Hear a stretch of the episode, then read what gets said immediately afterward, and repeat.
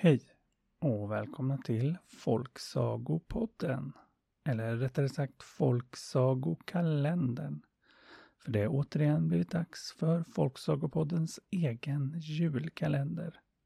Och i år, ja, då ska vi ut i världen och resa. Varje dag kommer ha en bokstav, ett land och såklart en saga. Och vi börjar från början av alfabetet med bokstaven A. Och där hittar vi landet Armenien. Och sagan, den heter Kungen och ödet och kommer här. Det var en gång en rik och mäktig kung som tyckte om att klä ut sig till en fattig tiggare och röra sig runt på gatorna i hans land för att se hur hans folk verkligen var när de inte stod framför en kung. Och en sån dag, när han var ute i sina tiggarkläder, så råkade han höra tre män som satt på en bakgård och pratade med varandra.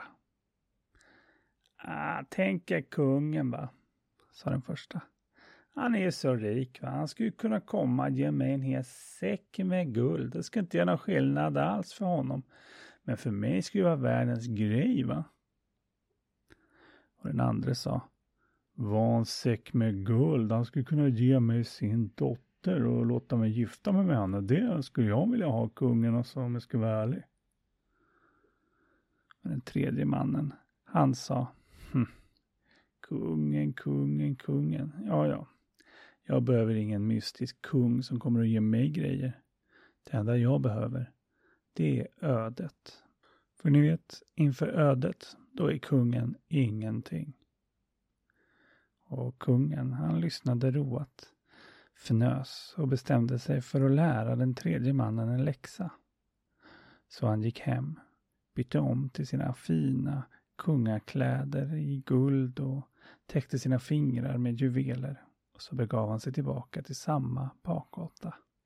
Och ni kan ju bara tänka er hur förvånade de tre männen var när kungen plötsligt stod framför dem.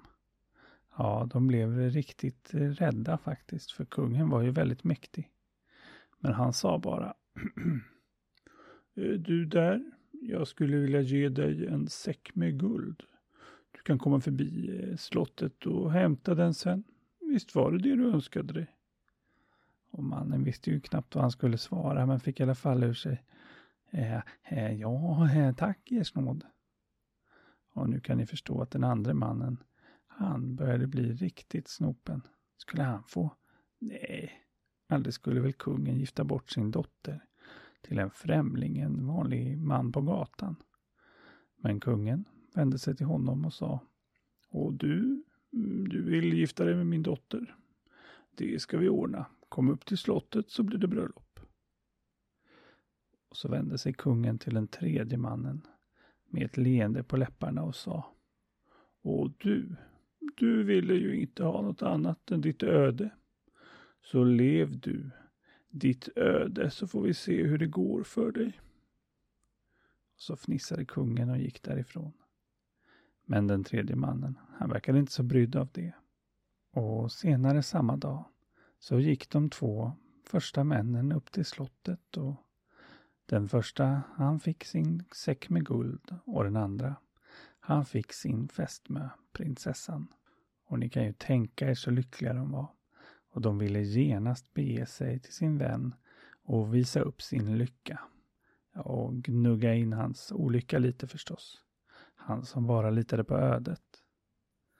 Men hur de än skröt med sina pengar och sin vackra blivande fru så var den tredje mannen lugn och sa Ödet löser det här ska ni se.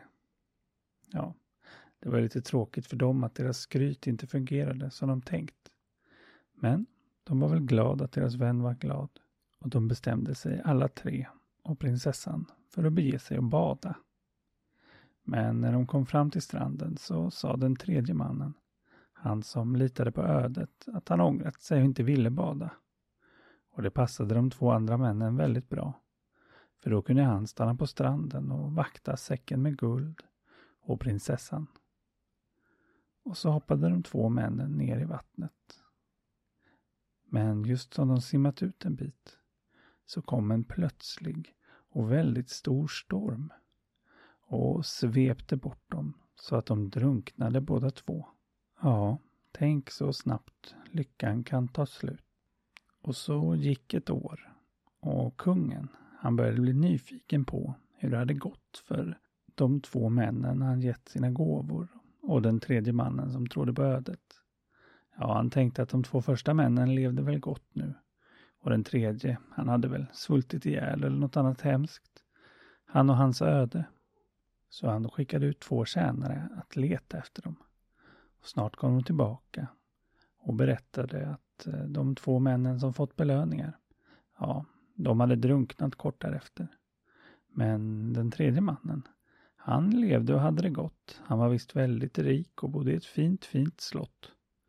Ja, och gift var han också med kungens dotter.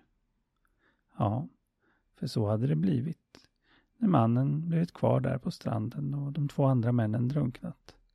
Han hade fått ärva alltihopa. Och guldet hade han investerat klokt så att det hade blivit mer guld. Och äktenskapet, ja, det hade blivit lyckligt.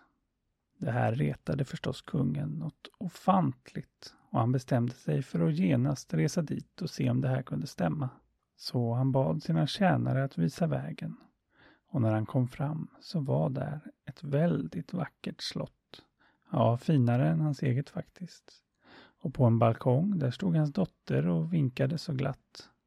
Och bredvid stod mannen som trodde på ödet. Och nu fick kungen se att på slottets framsida i stora guldbokstäver stod det skrivet Inför ödet är kungen ingenting.